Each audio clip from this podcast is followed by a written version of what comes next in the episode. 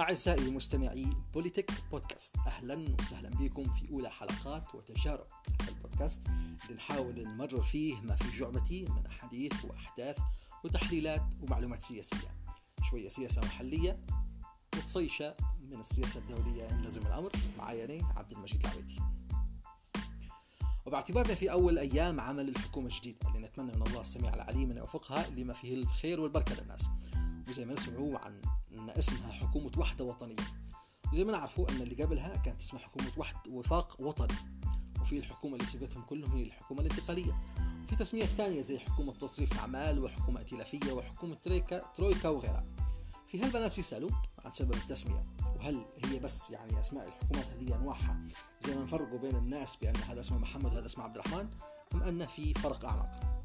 الصح أن كل حكومة لها وضع خاص ولكل وضع خاص تسمية خاصة تتماشى مع ظروف تشكيل الحكومة نفسها. بتقولوا لي كيف؟ نقول لكم خلينا طول نخش على تعريفاتهم.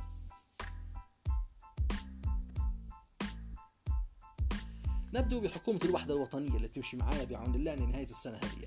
حكومة الوحدة الوطنية هي حكومة آه، تنشأ في العادة بعد فترة حرب أو أزمة سياسية زي ما صار لما صار في في ليبيا الفترة اللي فاتت فتتشكل بالاتفاق بين آه، القوى المتحاربة أو الجهات المتنازعة سياسيا أو عسكريا.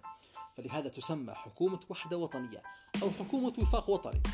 آه، باش المتصارعين يتقاسموا فيها الإدارة التنفيذية ويكونوا ممثلين فيها وينهوا حالة النزاع اللي هم قائمة بسببهم. ومصطلح وحدة يترجم حالة الانقسام اللي كان آه، اللي كان الحال عليها قبل الاتفاق.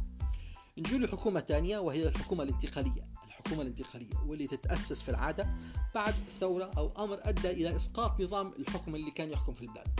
بالضبط زي ما صار في ليبيا بعد ثورة 17 فبراير اللي أسقطت حكم معمر القذافي فقام المجلس الوطني الانتقالي حينها آه، بتشكيل حكومة انتقالية أدارت البلاد أو تدير البلاد إلى حين إنهاء مرحلة الحكم الانتقالية اللي للأسف طبعا ما في ليبيا ما طلعناش منها. ويدل مصطلح انتقالية على الانتقال من نظام حكم كان سائد إلى آخر غير جاهز. أه، نجو لنوع آخر من الحكومات هو الحكومة الائتلافية أه، هذا النوع من الحكومات ينشأ في الدول اللي فيها نظام الحكم نظام برلماني. والنظام البرلماني يعتمد على مشاركة الأحزاب السياسية في انتخابات البرلمانات.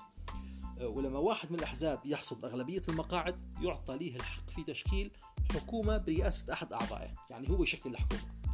حزب أو الاختيار الأغلبية في المقاعد البرلمانيه لكن لو ما قدرش هذا الحزب أو أي حزب آخر من حصد الأغلبية البرلمانية فإن تشكيل الحكومة بعدين يتم عن طريق تكليف أو ائتلاف يضم الأحزاب الثلاثة الأولى بالترتيب.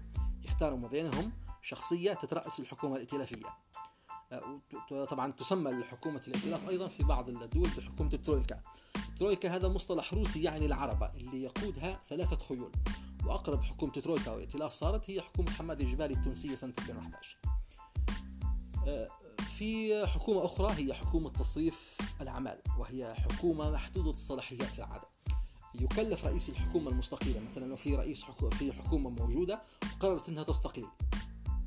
أو الحكومة هي البرلمان سحب منها الثقة. فيكلف رئيس الحكومة المستقيلة والمسحوب من الثقة بتصريف العم... يكلف حكومة بتصريف الأعمال. يعني تمشي أمور الدولة إلى حين انتخاب واختيار حكومة جديدة ويدل مصطلح, تصريف على تصريف اعمال الناس وإدارة الدولة في مهام محددة وضيقة جدا ولا يحق لها ما يحق للحكومة العادية. في أيضا حكومة الأغلبية اللي يشكلها الحزب الفائز بغالبية المقاعد في البرلمان وفي الحكومة المعينة اللي يعينها رئيس الجمهورية بعيدا عن البرلمان وفي الحكومة العسكرية اللي يعينها الانقلابيين في في دول يعني صار فيها انقلابات وفي الحكومة الفيدرالية اللي تتشكل في الدولة الاتحادية زي الولايات المتحدة الأمريكية. وبهيك نكون درنا دورة سريعة عن الحكومات وعرفنا الظروف والأسباب اللي خلت حكومتنا الحالية تسمى بحكومة الوحدة الوطنية وتعرفنا على بقية أنواع الحكومات. شكرا لاستماعكم لبوليتيك بودكاست هذه تحياتي عبد المجيد العويتي سلام.